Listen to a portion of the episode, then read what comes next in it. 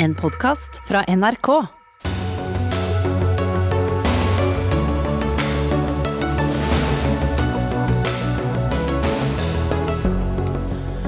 I dag ble det klart at Stortingets presidentskap ikke vil slippe Riksrevisjonen til. Det er eksterne granskere som skal gjennomgå Stortingets håndtering av egne regler. I Afrika er 4% koronavaksinert. Amnesty beskylder legemiddelindustrien for profittjag. Industrien skylder på politikerne. Og hvem politikerne skylder på, får vi høre i Dagsnytt 18. Kraftprisen er for høy, magasinene roper på regn, samtidig eksporterer Norge kraft. Industri og fagbevegelse ber politikerne begrense eksporten. Datatilsynet vil ikke opprette egen side på Facebook pga. personvernhensyn. Tilsynet er mer katolsk enn paven, sier teknologiadvokat. Og ordet blindestokk skal vekk. Nå skal vi si mobilitetsstokk, ifølge NRKs nye ordliste. Uheldig for ytringsfriheten, sier professor. Ja, Det er noen av sakene i Dagsnytt 18 denne onsdagen, der vi også retter søkelyset mot eh, Rwanda, der heltene fra filmen Hotell Rwanda er dømt til 25 års fengsel for terror. Men eh, vi begynner med Stortinget, som altså nå i ettermiddag vedtok at eh, det skal være eksterne granskere som skal eh, gå gjennom Stortingets etterlevelse av egne regler for pendelboliger. Det har presidentskapet vedtatt. Og Tone Trøen, du er stortingspresident. Hvordan har dere kommet fram til denne konklusjonen? Ja, eh, Hei og takk for at jeg får lov å, være med. Velkommen. Eh, Stortingets, Stortingets presidentskap har for en tid siden besluttet etter den siste tids medieoppslag at vi ønsker en gjennomgang av ordningen med pendlerbolig, altså regelverket for tildeling av pendlerboliger til stortingsrepresentanter, som jo er en ordning som skal sikre at du kan velges inn på Stortinget fra hele landet, uavhengig av økonomi, og gjøre utføre ditt tillitsverv på Stortinget. Så dette vedtaket dere har gjort i dag, gjelder altså ikke om Stortinget selv har etterlevd sine egne vedtak? Nei, det er riktig, og det er fint hvis jeg kan få lov å, å forklare dette. For i dag har vi bedt om at i stedet for at dette blir en intern gjennomgang, ledet av Stortingets presidentskap f.eks., så ønsker vi at det er eksterne som skal gjennomgå regelverket vårt for pendlerboliger. Så har Stortingets administrasjon i går besluttet å engasjere ekstern ekspertise for å foreta en bred skatterevisjon av ordningene for representantene. Og så vil jeg bare også tilføye at presidentskapet har også bedt administrasjonen om å foreta en grundig gjennomgang av ordningen med etterlønn og fratredelsesytelse. Dette er de tre beslutningene som er fattet eh, nå de siste ukene.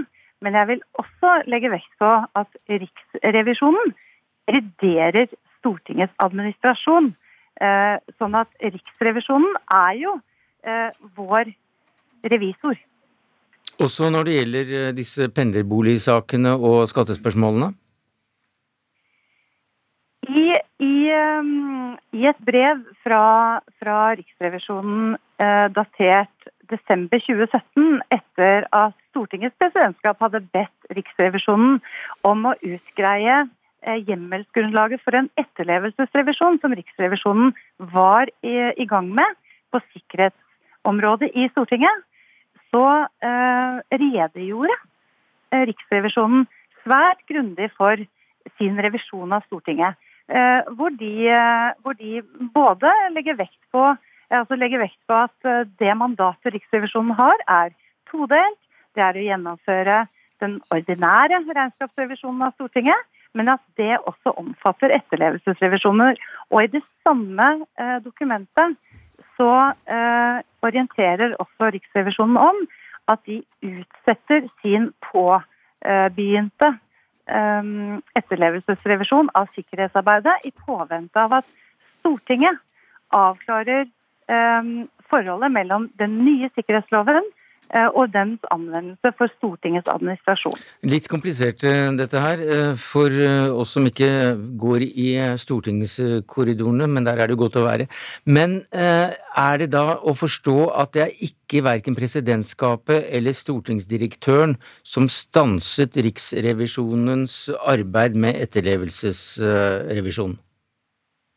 Jeg har i dag uh, gått tilbake for å se på den dokumentasjonen som foreligger i den brevvekslingen som er da, mellom Stortingets presidentskap og Riksrevisjonen. Uh, og, og, slik jeg ser det, så stilte presidentskapet spørsmål ved hjemmelsgrunnlaget for den etterlevelsesrevisjonen som da var i gang. Og så klargjorde Riksrevisjonen veldig tydelig i det brevet til Stortingets presidentskap at de anså at etterlevelsesrevisjonen er en del av Riksrevisjonens ordinære revisjon. Og så konkluderte de også med at dersom man skulle ønske en endring av dette, så måtte det skje gjennom en lovendring. Og så konkluderte de i tillegg med at de utsatte den revisjonen de hadde påbegynt. Mm. Og det er, det er, det jeg forholder meg til. Så på, spørs, på direkte spørsmål til deg om det, om det var Stortinget, altså ved presidentskap eller direktør, som da stanset uh, Riksrevisjonens mulighet for å gå videre og, og, og, og gå etter eh, Stortingets egen, uh, egen øh, håndhevelse av egne regler, det er altså ikke riktig.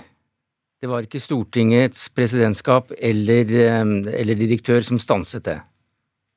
Jeg satt ikke i det presidentskapet, men ifølge den, den dokumentasjonen eh, som ligger i Eh, i korrespondansen mellom Stortingets, eh, Stortingets, presidentskap og Riksrevisjonen, så eh, legger Riksrevisjonen vekt på, og det klargjør veldig tydelig sitt grunnlag for å drive revisjon og etterlevelsesrevisjon, mm. men de, de formidler også at de utsetter den revisjonen de hadde igangsatt. Nei, for Det er en liten oppklaringsrunde her. Vi hørte deg i NRK-debatten i går, Foss, si at Riksrevisjonen ble stoppet da dere var i gang med det dere kaller etterlevelseskontroll av, av Stortinget i 2017. Hva sier du i dag? Ja, det er riktig, og det finnes det dokumentasjon på. Men Tone Trøen var ikke til stede i det møtet. Hun var heller ikke president på det tidspunktet. Så mm, den som målbar presidentskapets syn i dette møtet, i desember 2017. Det var Olemic Thommessen, og han bekrefter jo i uttalelse til Aftenposten så sent i går at han ga et stoppsignal rent prinsipielt eh, til Riksrevisjonen. Det var et møte jeg også hadde med meg min nestleder i kollegiet, daværende, eller tidligere um, finansminister Karl Eirik Schjøtt-Pedersen, og jeg hadde med min administrative leder. Så det er flere som oppfattet at uh, Olemic Thommessens nei var et, var et prinsipielt nei. Og derfor uh, stoppet vi videre revisjonen. For vi, vi, kunne selvfølgelig valgt å utfordre presidentskapet og sagt at vi uh, la meg si det sånn, vi gir blaffen og fortsetter som før, som vi har gjort siden 2018. Nei, siden 1918. Altså i ganske mange generasjoner. 103 år eller noe sånt? Ja. ja. Men det valgte vi ikke å gjøre. For vi er, vi er tross alt såpass respekt for Stortinget og Stortingets uh, presidentskap at det valgte vi ikke å gjøre. Og jeg kan legge, legge til at vi har også dokumentasjon for at den eh, rapporten vi da var i gang med om Stortingets datasikkerhet eh, av direktøren, daværende direktør Børresen, ble forsøkt stoppet også på et tidligere tidspunkt ved direkte henvendelser til Riksrevisjonens medarbeidere som da var i gang med denne rapporten. Fordi når vi har laget en rapport fremfor på Stortingets administrasjon, så er vi jo åpne overfor Stortinget med at vi, at vi, arbeider med det. Det er ikke, noen, er ikke noe hemmelighold. Eh, så Tone Trøens uttalelser er hyggelig å høre, men det betyr at presidentskapet har skiftet mening fra desember 2017. Trøen, vær så god. Eh, ja, altså Jeg har oppfattet at det var god dialog mellom Riksrevisjonen og Stortingets administrasjon eh, når Riksrevisjonen startet opp eh, denne etterlevelsesrevisjonen. Og, og, jeg er også veldig glad for at, at riksrevisor nå bekrefter at det var de som, som stoppet den etterlevelsesrevisjonen. Men, men i dokumentasjonen til oss så legges det jo vekt på at man utsetter den etterlevelsesrevisjonen til um, sikkerhetslovens anvendelse for Stortingets administrasjon var eh, klarlagt. Og det klargjorde Stortinget eh, mm. høsten 20, eller før jul i 2018.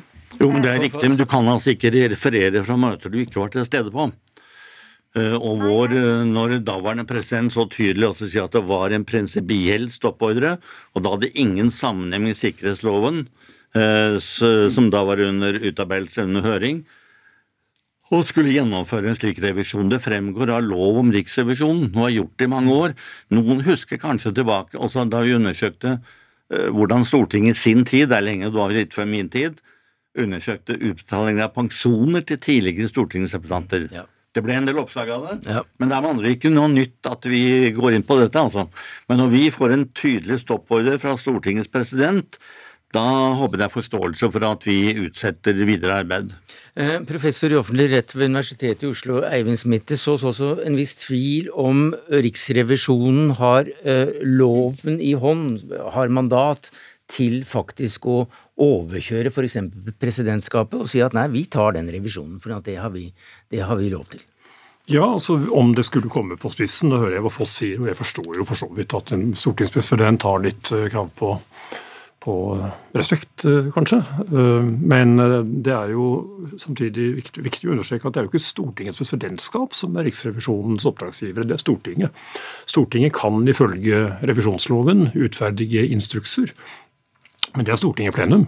Eh, og det har jo ikke skjedd i denne saken, saken, her. Um, så hvem som har skyld i hva, det vil ikke jeg gå inn i naturligvis her. Men, men, men, men loven sier at Riksrevisjonen kan ja, altså det, drive på også med Stortinget, selv om presidentskapet sier nei. Det Foss nå sier om hva, de, hva, revisjonen kan gjøre for Stortinget, har gjort tidligere, og som jeg forstår at Tone Trøen nå er enig i, det er jeg også helt enig i. Jeg kan ikke se noe prinsipielt til hinder for det. Det er snarere det motsatte som skulle kunne begrunnes prinsipielt prinsipielt eventuelt. For eh, Grunnloven har en regel om Riksrevisjonens rolle. Statsregnskapene omfatter også Stortingets regnskaper, og, og, da må man jo nødvendigvis også gå inn i grunnlaget for utbetalinger og manglende utbetalinger og, eh, og slikt. Så jeg syns ikke det er noe tvilsomt overhodet. Svein Harberg, du er stortingsrepresentant eh, for Høyre, og du satt i utvalget som skulle se på Stortingets eh, kontrollfunksjon etter at det ble stopp i Riksrevisjonens rapportering da i, i 2017. Dere kom ikke fram til noen klar konklusjon, men hva sier du i dag til presidentskapets ønske om at det er eksterne aktører som skal på banen i større grad?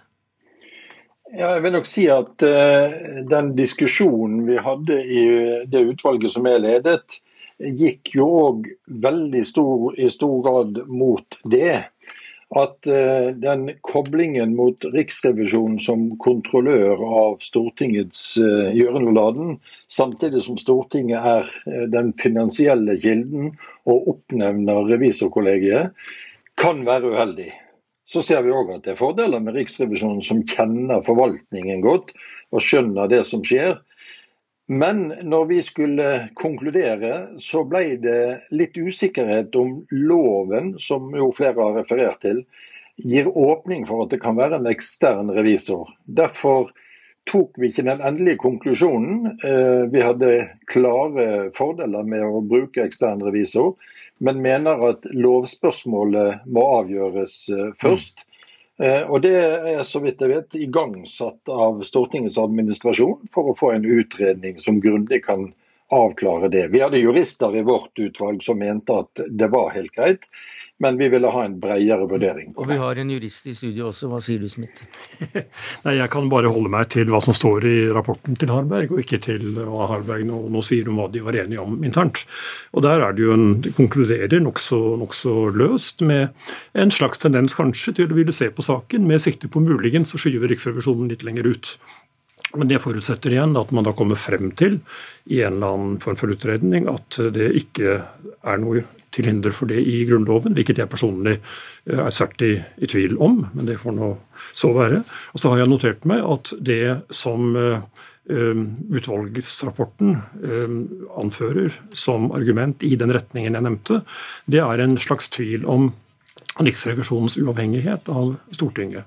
Og Der er det jo greit å minne om i og for seg at loven er krystallklar på at Riksrevisjonen jobber uavhengig av alle i og for seg, men det må også inkludere alle andre enn Stortinget som kan utferdige mm. instruks. Eh, så jeg syns ikke det er noe særlig tvilsomt. Da kunne man kanskje når Nåfoss, med rimelig grunn kanskje, sier at de hørte på stortingspresidenten den gangen si at det er et uttrykk for at dere ikke er fullt så uavhengige allikevel. Men, men det er noe med en rolleforståelse. Her er det klarhet som må til. Og så er det veldig viktig at man fort kommer gjennom dette limboet, for mm. Riksrevisjonen må i gang igjen snarest mulig. Ja, og, og Her uh, leser vi i Aftenposten nå, Trøen, at du nettopp har sagt til avisen at du åpner for at Riksrevisjonen kan eh, komme inn og da uh, granske dette pendler... Uh, ja, boligsaken og, og, og skattemessige hensyn rundt det? Altså jeg bare viser til at Riksrevisjonen selv i sin veldig grundige tilbakemelding til Stortingets presidentskap i desember 2017 sier at dette er innenfor deres ordinære revisjon.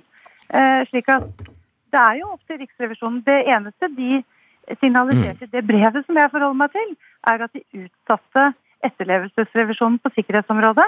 Ja, det, det, det, har vi, det, har vi, fått med oss, men det er, er, ikke, noe, er ikke, noe, nytt i, i, eh, dette for så vidt, som eh, du bare henviser til det som allerede da eh, Riksrevisjonen har, har selv skrevet. Og Foss, da er dere altså inne igjen fordi at hun henviser til din betenkning. Et øyeblikk, vi må nesten få Foss her. På den ene siden, Tone Trøen, så har du oppnevnt et utvalg som nå sitter under, ja, med høyst kompetente fagfolk og, og, politiske representanter, som skal levere sin innstilling neste år. Og de skal også vurdere dette lovspørsmålet, som ble reist av presidentskapet, eh, daværende eh, Olemic Thommessen og, og, så videre, som mente at det var grunn til tvil om hvordan loven skulle tolkes på dette området. Det var første gang vi fra Stortinget har hørt at det er reist tvil om dette. Så vi var, eh, hvis jeg skal si det helt direkte og åpent, vi var sjokkert over det møtet med, president, med presidenten og direktøren, Børresen og Thommessen den gang. For det er første gang i historien vi har blitt stanset i et pågående arbeid. Mm. Og nå ligger det altså til vurdering i et lovutvalg. Mm. Vi har vært i kontakt med den tidligere, den tidligere stortingsdirektøren som ikke ønsket å stille her i dag. Men du hørte også nå Trøen si at de åpner for at dere kan komme tilbake ut fra deres egen betenkning. Vil dere det? Det må vi vurdere ut fra at uh, det er samtidig gitt et utvalg som skal mm. vurdere om vi har lov eller ikke. Ja. Så, så den, Men jeg, jeg legger vekt på det Smith sier, at uh, det grunnleggende i Riksrevisjonens mandat og lov, det er uavhengighet. Mm. Men jeg bare si en ting til det ja, som Harberg sa. Vi skal ikke kontrollere Stortingets gjøren og laden. Mm. Det vil være helt galt. Altså Kontrollere en folkevalgt forsamling, selvfølgelig. Skal vi ikke gjøre det. Det vi skal kontrollere, er Stortingets administrasjon, hvordan de følger lover og regler i det offentlige rom. Og Det vi begynte med, det var altså denne pendlerboligsaken. Og kort til slutt, Foss. Uh, ville Riksrevisjonen ha kunnet avdekket uheldige sider ved denne pendlerboligregelverket og klare juks med ordningen om dere ikke ble stoppet i 2017? Ja, det ligger klart innenfor det vi normalt undersøker. Takk skal du ha, Per Kristian Foss, riksrevisor, Eivind Smith, jusprofessor, Svein Harberg, stortingsrepresentant for Høyre, og til deg, Tone Trønd, stortingspresident.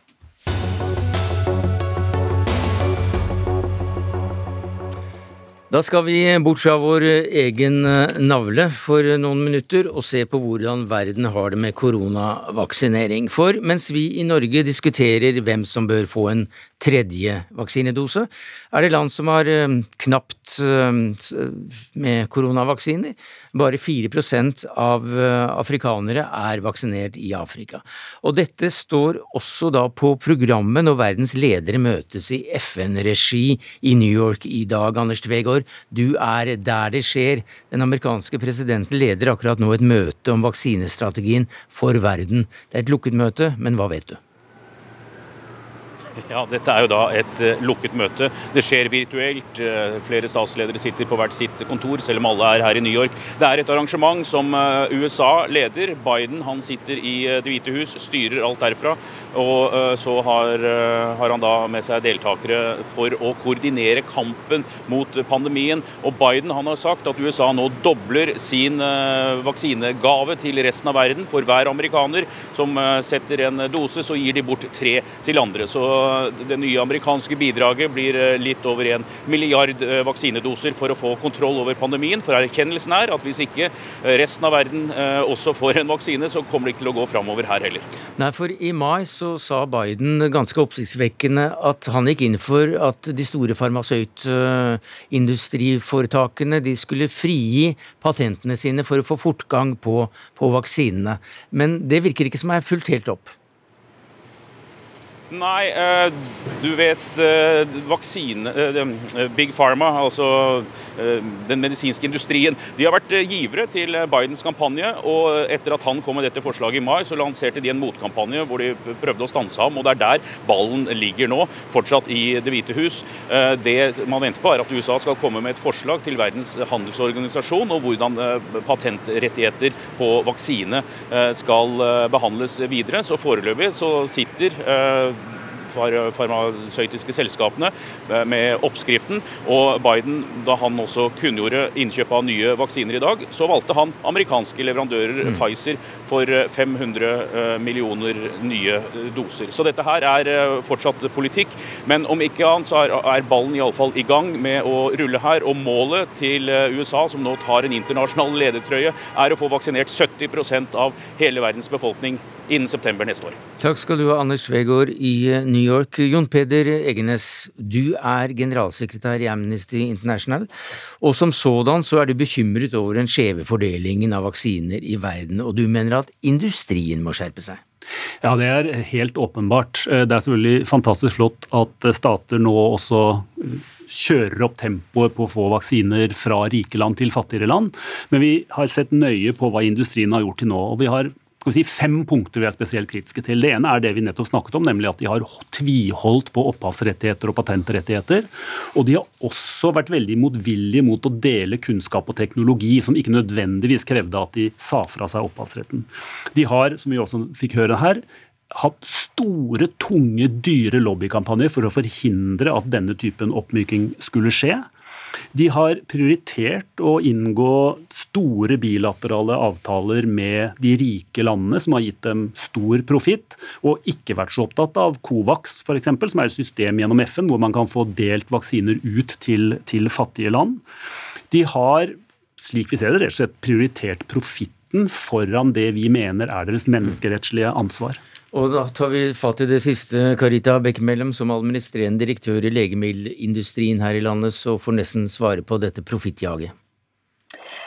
Problemet med denne saken her er jo det at eh, alle sammen ønsker å få tilgang eh, til trygge vaksiner til sin befolkning. Og det vi opplever, det er jo at eh, alle blir litt seg sjøl nærmest og ønsker å få tilgang. Også, og er slik, men, men er det, gjelder ikke det også da for, ja, men gjelder ikke det også for industrien? Altså det, det er profittjaget som var stikkord inn til deg? Nei, det er ikke profittjaget overhodet. Og Pfizer går nå ut og sier at de skal gi to milliarder vaksinedoser til den fattige delen av verden. Og Det er jo Covax og det politiske systemet her som ikke har klart å håndtere en solidarisk fordeling av vaksiner. Og Denne pandemien har kommet brått på alle. og det er slik at Vi har klart i løpet av rekordtid forska fram utvikla trygge vaksiner som gjør det at eh, vi nå kan redde mm. flere liv. Og Per i dag så er det 4,7 millioner mennesker som har dødd. Så en del av bildet også, som eh, en ikke ønsker å se på, det er jo det at det er nye mutasjoner. En har behov hele tida for ny forskning, ny kunnskap, for å tilpasse vaksinene i den nye virkeligheten. Men det du sier, se, men et øyeblikk, det du sier det er også at, eh, at farmasøytindustrien, å skyte på dem, det er å skyte på pianisten, og det skal man ikke gjøre. Men ja. du skyter mot eh, politikerne, og Aksel Jacobsen, du er statssekretær for utviklingsministeren som kanskje akkurat nå snakker i, i, FN, men han er en ansvarlig for denne politikken fra norsk side.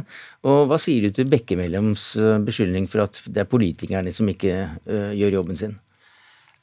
Det, det, er en del av sannheten at rike land har tatt eh, det meste og, og er for dårlig å dele videre. Her har Norge vært godt foran og er en av de landene som har gjort mer enn sin fair share i, i, i forhold til de beregninger som WHO har, har satt opp. på det. Vi, kommer til sammen til å gi over 31 millioner doser. Og, og vi ligger an til å ha viderefordelt norske doser, fem millioner norske doser, før jul. Sånn vi bidrar inn i det her. og Vi har også tatt et internasjonalt ansvar ved å lede pandemikampen internasjonalt gjennom mm. Akt A. Er det slik du ser det? Altså, jeg syns ikke vi nå skal la selskapene slippe av kroken øh, og bare vende oss mot stater. Jeg er jo vanligvis en som hamrer løs på stater, og det er god grunn til å være kritisk til stater her, men selskapene har selv valgt hvem de har solgt vaksinedoser til. Det er ikke sånn at, at de har blitt tvunget til å selge alle vaksinedosene til de rikeste landene i verden. De har inngått avtaler fordi det har gitt dem høy pris. I hvert fall noen av selskapene er det helt åpenbart for. De har nektet å åpne opp eh, i forhold til opphavsretten sin, fordi de sier at, eh, til oss at det viktige med det er at insentivet til å forske, til å videreutvikle, til å nyvinne, det kommer mm. fra patentrettighetene. Og hva betyr det? Jo, det kommer fra at de skal tjene mest mulig penger. Er jo helt feil. for eh, Det er mulig at legemiddelindustrien har mye makt, men det er faktisk sånn at det er Covax som har et fordelingsansvar for å sørge for at vaksinene blir rettferdig fordelt. Og Hvis vi tar litt utgangspunkt i Norge, så var det slik at Norge ga 64 millioner eh, til Covax, og på den måten fikk opsjoner til to millioner vaksinedoser. Og vi ser det at Diskusjonen i Norge går på at vi vil ha den tredje vaksinen, slik at vi kan sørge for egen befolkning. og vi er nå ekstremt lykkelig og glad for det at vi får muligheten til å åpne opp for en normalsituasjon igjen. Og, og, og det, å angripe også, patentene, det å angripe patentene ja, blir veldig lett for symbolpolitikk. Ja. Og det er ikke realisme i det. De som kan legemiddelutvikling, vet at det vi kan risikere, det er å få ikke-sertifiserte legemidler ut på markedet. Mm. Og de landene som er dårligst stilt til å ta i bruk falske legemidler, det er faktisk de fattige landene. Aksel Jacobsen, eh, det er jo dere da i eh, Utviklingsdepartementet som, eh, som, styrer med Covax, også denne enheten i WHO som skal fordele, sikre en rett, mer rettferdig fordeling. Og Nå hører du altså at Bekkemellem igjen skyter på, på politikerne som ja, ikke gjør jobben sin. Ja, det hun sa om de to millioner dosene er jo ikke riktig, for Norge ga jo videre disse dosene som vi hadde opsjoner på i Covax. Så, at, eh, så der har Norge gitt videre. Og jeg mener det er riktig for, fra Amnesty sin side som en vaktbikkje å være på industrien. Også Covaxen etterspør større åpenhet fra vaksineindustrien.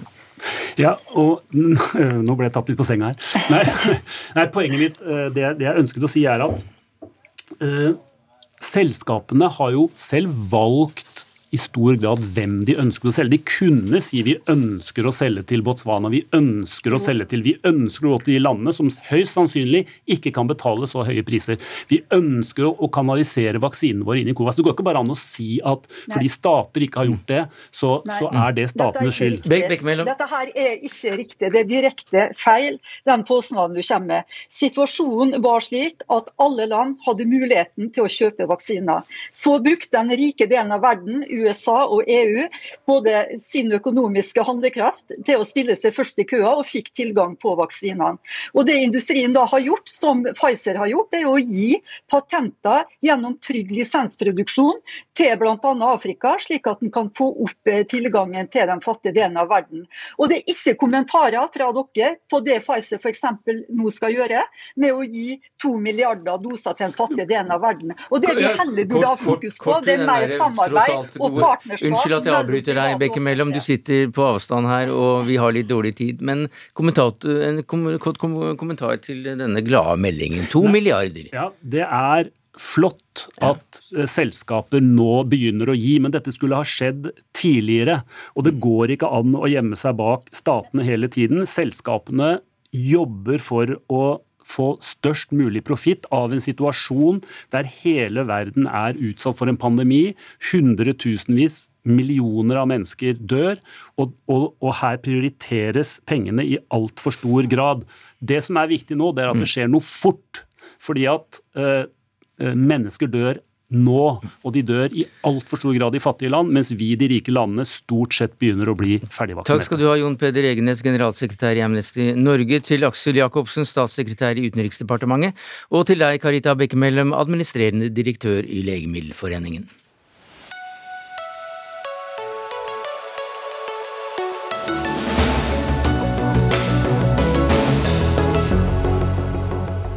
Så tilbake til norske forhold og til strømprisene som fortsetter med å bekymre både oss forbrukere og ikke minst også den kraftkrevende industrien. For i øyeblikket er det ingen utsikter til at prisene går ned, det regner for lite, samtidig eksporterer Norge kraft til utlandet. Blant annet har ledelsen i industrigiganten Elkem ropt varsko, og får støtte da av dere i LO-forbundet Industri Energi, Frode Alfheim, det er du som er forbundsleder der. Eh, dere organiserer over 56 000 ansatte i energisektoren. Hva konkret bør myndighetene gjøre?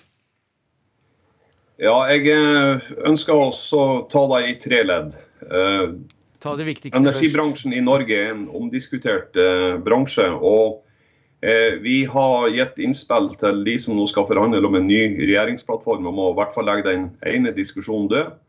Altså at vi skal gjennomføre en evaluering av de kablene som nå blir ferdigstilt, før man skal ha en diskusjon om vi skal bygge flere. Og Det kommer ikke til å skje i denne stortingsperioden, så den, den legger død.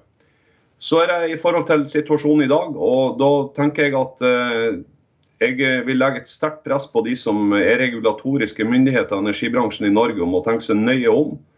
Eh, når de ser nå at vi har en magasinkapasitet som er betydelig lavere enn der den burde ha vært, før man eh, prioriterer å eksportere krafta. Vi må nå tenke at vi skal gjennom en vinter, og vi må ha kraft nok som gjør at vi er selvforsynt. Og at vi skal ha priser som gjør at ikke industrien eh, blir slått ut. Eh, og at den vanlige forbruker òg får ei, ei, kraftregning som er altfor høy. Ja, er ikke det en god idé, Frode? Nei, Tone Christian Tiller, du er statssekretær i Olje- og energidepartementet?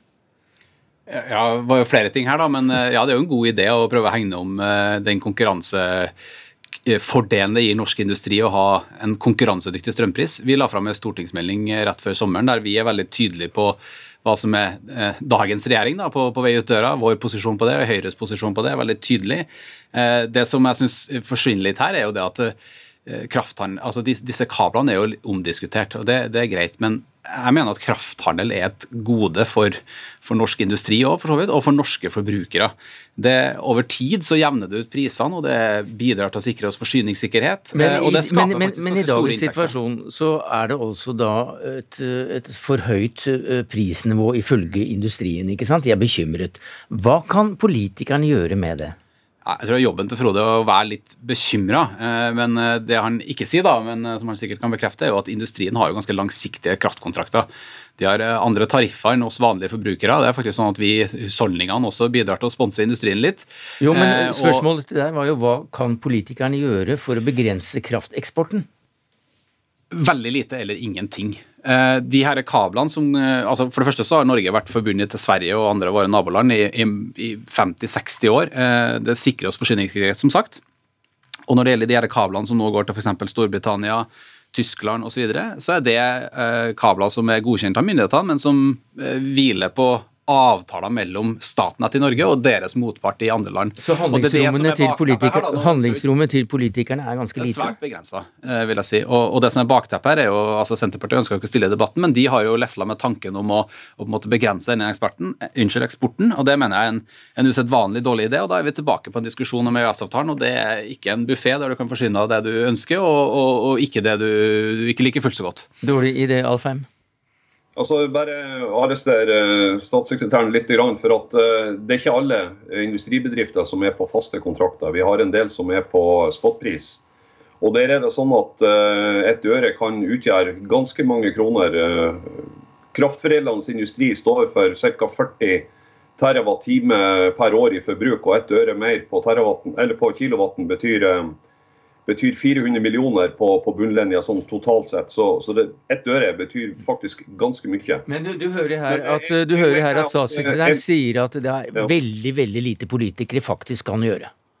Ja, men jeg tror eh, de som har ansvaret for å, å, følge med det som er vannreservoarene, faktisk har en mulighet til å, å følge med.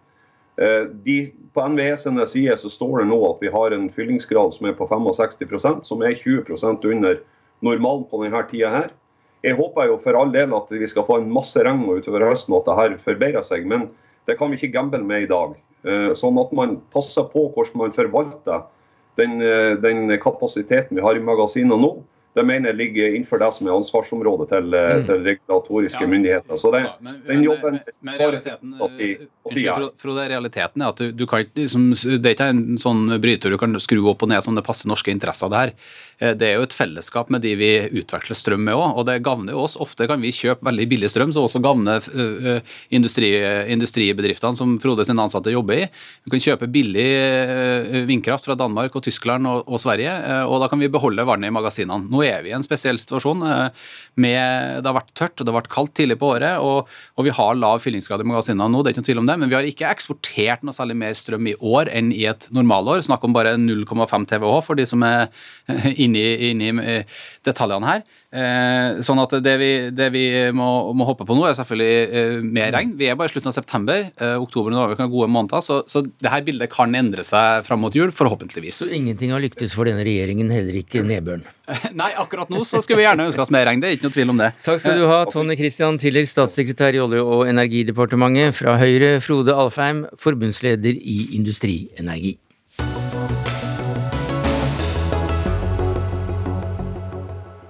Ja, filmen 'Hotell Rwanda' gikk sin seiersgang verden rundt og fikk en Oscar-nominasjon. Helten for, um, for, det hele, det var hotellsjefen selv, som reddet 1200 liv under folkemordet i Rwanda i 1994. Nå er denne hotelleieren, Rusa Bagina, dømt til 25 års fengsel for terror i Rwanda, og hevder at han ble bortført dit fra Dubai i fjor. Hva er han dømt for, eh, Ida Titlestad Dalbakk, du er NRKs Afrikakorrespondent? Han er eh, dømt for å ha startet og bidratt økonomisk til en organisasjon som retten da mener har utført eh, terrorangrep i Rwanda.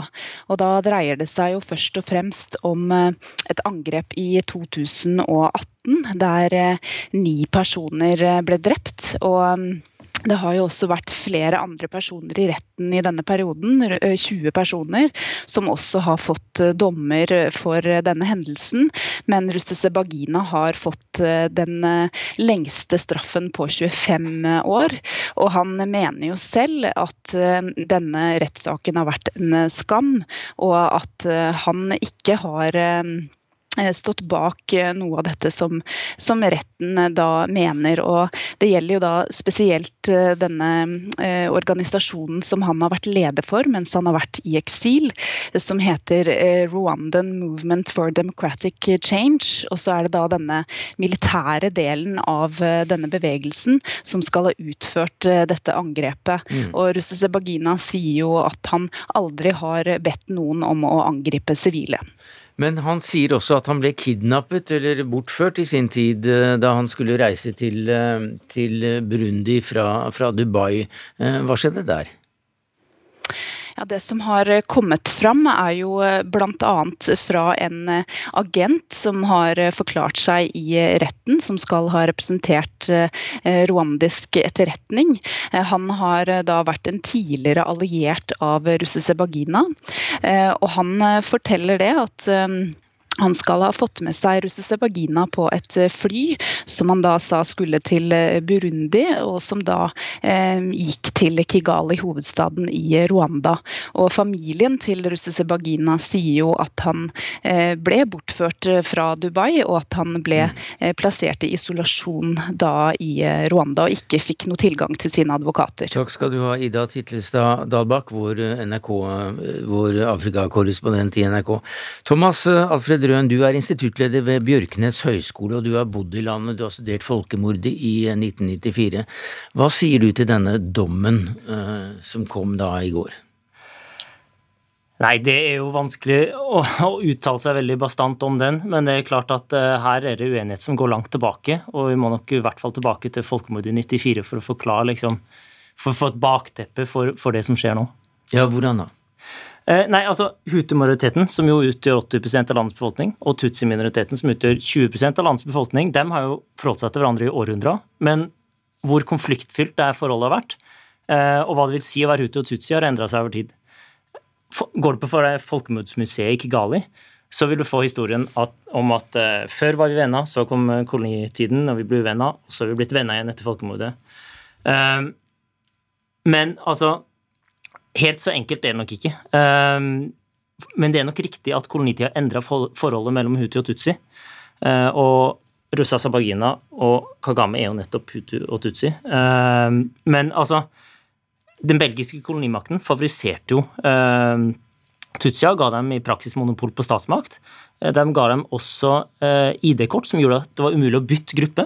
Før det var Hutu og Tutsi ganske flytende betegnelser. Det var vanlig å bytte gruppe, ofte brukt som en slags økonomisk betegnelse på der Tutsi var altså Hutuer som gjorde det bra, kunne bli Tutsia, og Tutsiene som gjorde det dårlig, kunne bli Hutua. Eh, men poenget er i hvert fall at altså, det er viktig å forstå akkurat det, fordi Rwanda er blant verdens mest tettbefolka land. Eh, og hadde før folkemordet i 94 blant verdens laveste bruttonasjonalprodukt. Så når kolonimakta kommer inn og systematisk forfordeler den ene gruppa over alle, allerede knappe ressurser, så fører det til frustrasjon. Og eh, Blant hutomajoritetene har det i lang tid versert konspirasjonsteorier knytta til at landet er styrt av en liten tutsi-elite. Og det her er jo nettopp retorikk som da eh, Russa Sabagina har ført også i ny tid. Og som hun sa, Russa Sabagina er jo den her hotellederen i Hotell Rwanda som, som skjermer eh, mange tutsier under krigen. Den historien hans, er, altså sånn som den ble framstilt i Hollywood-filmen, ingen er jo så helt som i Hollywood-filmer, eh, er omdiskutert.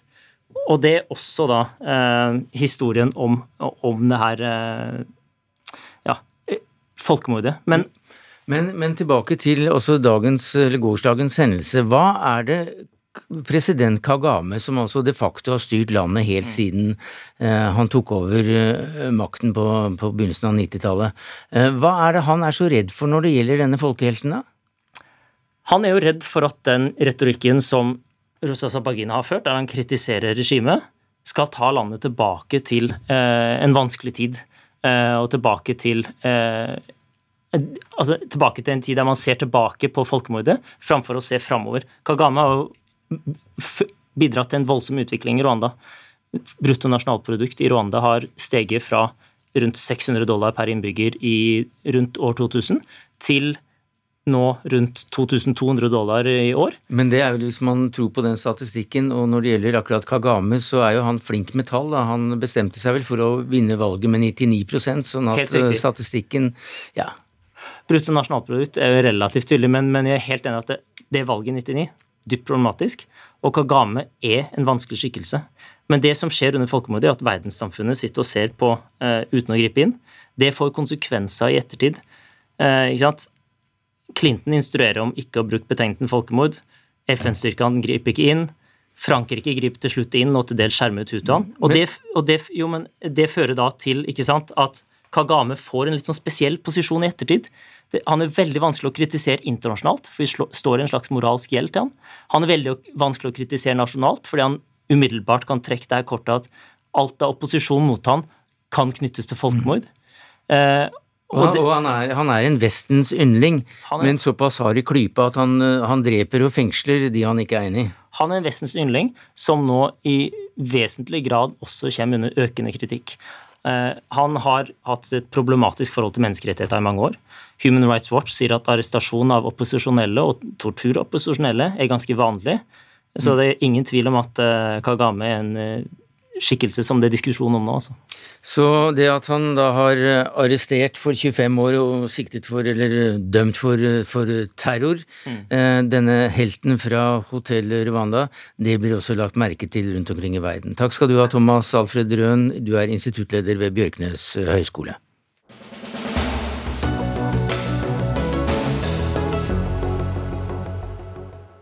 For virksomheter som vil eh, kommunisere med publikum, så kan Facebook eh, virke som en eh, god løsning. Den er bredt utbredt, og den er gratis. Men fra et personvernståsted er ikke dette helt tilfellet, sier Datatilsynet. De har nå valgt å ikke opprette bruker på den populære tjenesten. Og Bjørn Erik Thon, direktør i Datatilsynet, hvorfor ikke? Vi startet dette arbeidet vårt Eh, med et mål om å etablere en egen side på Facebook. Eh, for vi ser jo i likhet med veldig mange andre at dette er en veldig effektiv måte å kommunisere på. Men så begynte vi å stille noen spørsmål, for dette var en ganske grundig vurdering vi gjorde. Og en av tingene var at vi tror nok at de som besøker Datatilsynets Facebook-side, de har en forventning om at vi vet hva som skjer med deres data. Altså hva deres data blir brukt til av Facebook. Så hvis du da f.eks. hadde trykka liker på Datatilsynets Facebook-side, kommet med en kommentar, delt en artikkel, så ville jo det ført til en profilering. Eh, for du får et lite sånn knepp som profilert i en eller annen retning hvis du f.eks. deler en personvernartikkel som vi da sikkert ville, ville, eh, ville lagt ut på vår hjemmeside, eller unnskyld, Facebook-side. Eh, og når vi ikke klarte å svare på det spørsmålet, så fant vi ut at og dette er en veldig forenklet versjon, at vi ikke tok sjansen på å være på Facebook, rett og slett fordi vi ikke kunne garantere for personvern og mm. hvordan de opplysningene som ville bli generert gjennom vår Facebook-side, ville bli behandla. Og det er jo blitt lagt merke til. altså UDI vil legge ned eh, Facebook-sidene som de er involvert i. Teknologirådet vurderer eh, å gjøre det samme. altså De, de vurderer nå om, mm. på nytt om de skal gå inn.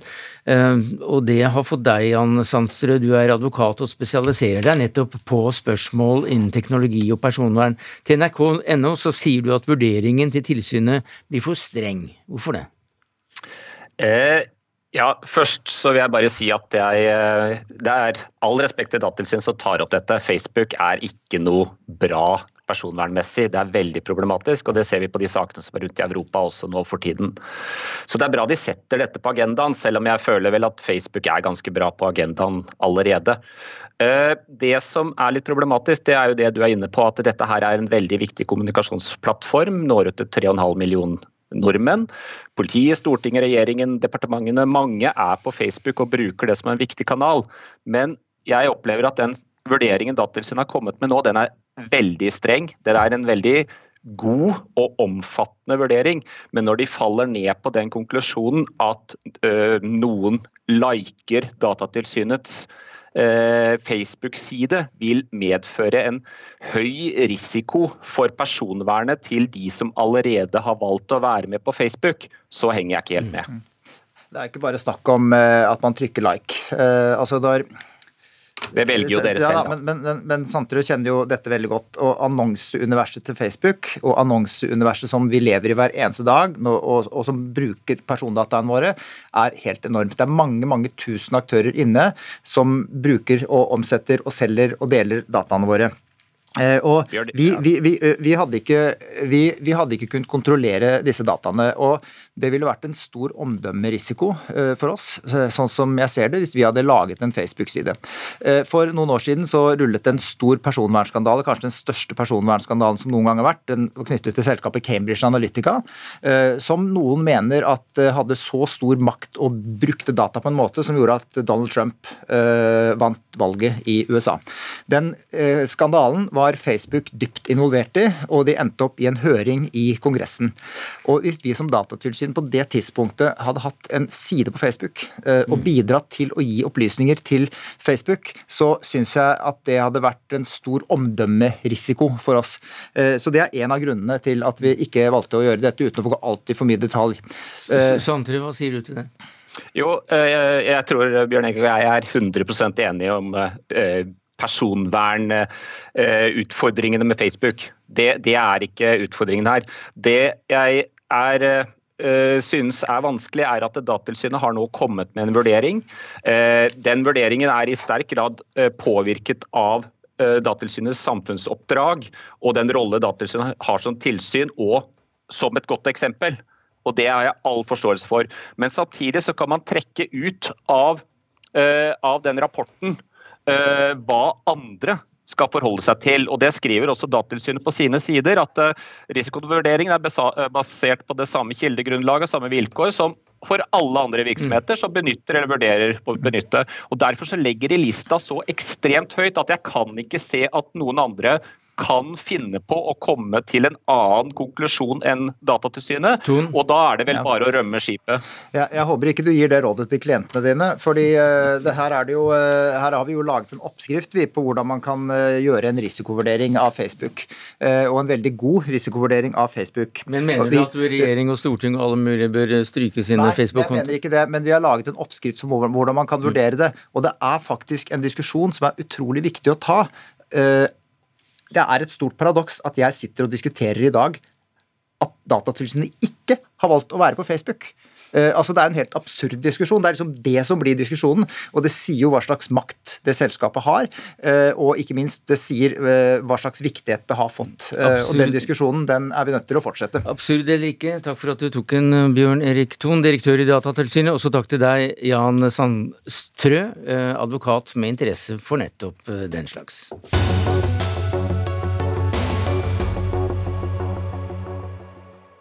NRK reviderer eh, ordlisten for funksjonsmangfold. Ehm, det skal ikke lenger hete blindeskrift, men eh, punktskrift, og vi skal også være varsomme med å bruke ordet døv. Karoline eh, Riise Christiansen, du er språksjef i NRK, og du har vært med på å utarbeide denne nye listen. Vi har hatt en fra før også.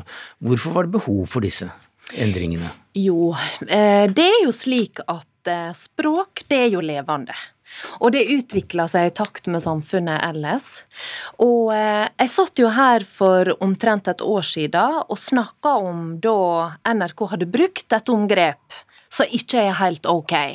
Så, så, ikke er ok i det hele tatt, må jeg bare få korrigere meg sjøl. Omgrepet lenka til rullestolen. Og det er jo et klassisk eksempel på akkurat den bevisstgjøringa som måtte til. Når vi begynte å se på den lista, så så vi det at det var et helt klart behov for å, for å forbedre den, og for å revidere den. Men nå går det også inn for f.eks. at man skal gå bort fra døvetolk, men heller si tegnspråktolk. Og ja. det skal også, som jeg nevnte i, eh, i, eh, toppene her, at det skal ikke hete blindestokk lenger, men mobilitetsstokk. Er ikke det å ta det litt langt? Eller så kan du si hvitstokk. Så det, er også innafor? Det også står i lista, da. Men du kan jo si det slik at uh, vi fikk jo en tilbakemelding fra uh, en, uh, en, som hadde sett dette her, så sa det at endelig så skal jeg slippe å forklare at det er jo ikke hunden som er blind. For vi sier også det at blinde hund det er greit å, å holde seg unna. Ja, Førerhund skal det hete. Ja, og så er det greit å si det slik at dette her, det er ikke en fasit. Og det er ikke regler som er svarte og hvite, mm. som skal hindre ytringsfridommen. Ja, Dette her det skal heller legge til rette for ytring. Ja, og det er stikkordet ja. inn til deg, Kristoffer Gundersen. Du er samfunnsdebattant, og du er Kristian, unnskyld. Og du er professor i biologi ved Universitetet i Oslo. Men du mener at slike endringer kan bidra til å hemme nettopp eh, debatten og ytringsfriheten. Hvordan da? Ja, fordi det må ikke bli sånn at man må lese en bruksanvisning for å ytre seg. Og Det er sånn det er blitt. Det er jo ikke bare, det er, Dette er jo en liste for profesjonelle journalister, men det er jo mange sånne lister. Ulike interesseorganisasjoner, pressegrupper osv. har sånne lister. Og reaksjonene på å bryte noen av disse reglene kan jo, kan jo, være veldig skarpe. og Til slutt så blir det liksom bare eksperter som, som tør å ytre seg, fordi at eh, det er laget en hinderløype, da, språklig hinderløype. Og det, det har noe med den reelle ytringsfriheten å gjøre. For eksempel så var jeg med i en debatt på Twitter hvor jeg brukte ordet transe. Og da, da, da, haglet det, og det var helt forferdelig at jeg kunne si noe sånt. Jeg trodde dette var omtrent sånn som homse, som er et tror jeg, akseptert begrep analogisk.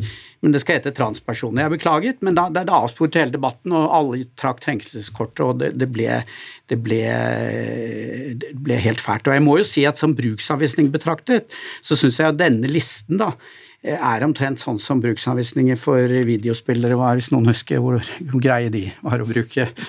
Eh, jeg vet ikke om jeg kan bruke noen eksempler. Ja, Hvis du har et par, så ja, altså, det, er lov, det er ikke lov å si handikappet, men det er lov å si handikapparkering, og det er lov å ha HC på eh, toaletter som er eh, tilrettelagt da, for det.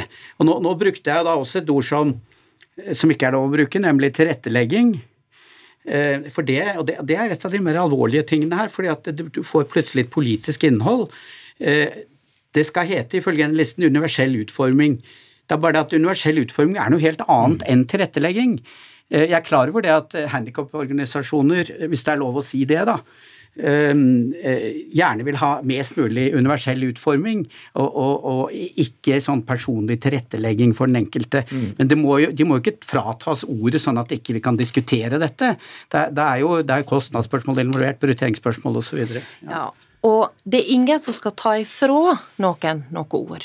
Dette her skal være til hjelp. Og det er, det er ikke en bruksanvisning. Jeg må bare få sagt det eh, mange ganger nok. Det er en rettleier, og vårt ønske det er jo det at den lista skal føre til en bevisstgjøring av språket.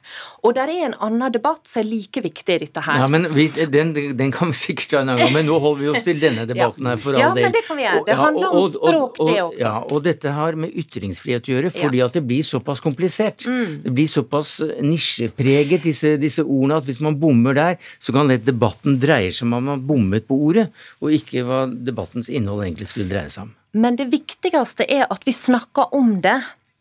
Og det er noe med å møte hverandre på eget språk. Og Derfor så har vi jo revidert denne lista her, vært ute hos organisasjoner. Vi har søkt hjelp med NRKs mm. brukerråd osv. nettopp for å høre mm. hva slags språk vi skal bruke. Ja, så, sånn hører jeg veldig ofte. Det er sånn myk, myk makt. Men altså, saken er at dette kommer til å bli førende, og, og, og dette kan bli brukt for å innskrenke ytringer. Um, altså, og, og, det er veldig veldig vanskelig å forholde seg til. Jeg hadde en, en samtale med en journalist herfra i formiddag, og vi, vi strevde veldig med å, å, holde oss innenfor denne, denne her eh, rettledningen. Det var helt umulig. Muntlig, i hvert fall. Det er klart skriftlig kan man jo sitte og slå opp og sånn. Mm. Helt umulig. Men, men altså, jeg føler at dette hemmer Altså Selv jeg, du kalte meg samfunnsdebattant, som er ganske tre, tre, har vært med på noen debatter, jeg syns dette er veldig vanskelig, og det hemmer meg når jeg skal, skal ytre meg, eh, som er på en uheldig måte, syns jeg. Mm. Eh, Marianne Knutsen, du er eh, leder i Norges Handikapforbunds Ungdom, og du har også vært for podkasten nettopp Hemma. Men du mener at disse endringene er viktige. Hvorfor det? Jeg tenker at dette er en ordliste og en debatt som trengs. da. Rett og slett fordi at det er noe som eh, mange minoritetsgrupper har gjort opp gjennom tidene. Ord endrer seg, og det er også sånn samfunnet utvikler seg. Men her så har funksjonshemmedes likestillingskamp enda også kommet til kort.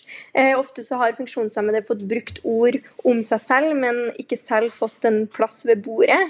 Eh, og det er jo ikke kun fordi et ord er upassende på en måte, at man ikke skal bruke det, men det handler om den bevissthetsgjøringa.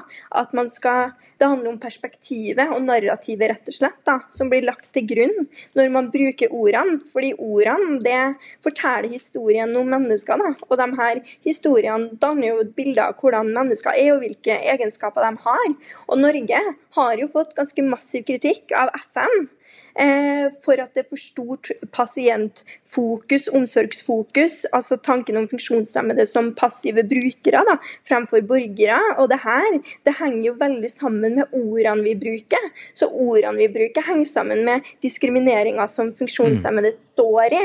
Så jeg tenker at det her ordlista det er jo et viktig verktøy, fordi språk det kan også fremme likestilling. Det kan fremme funksjonshemmede som folk. da. Og det tenker jeg er mm. kjempeviktig.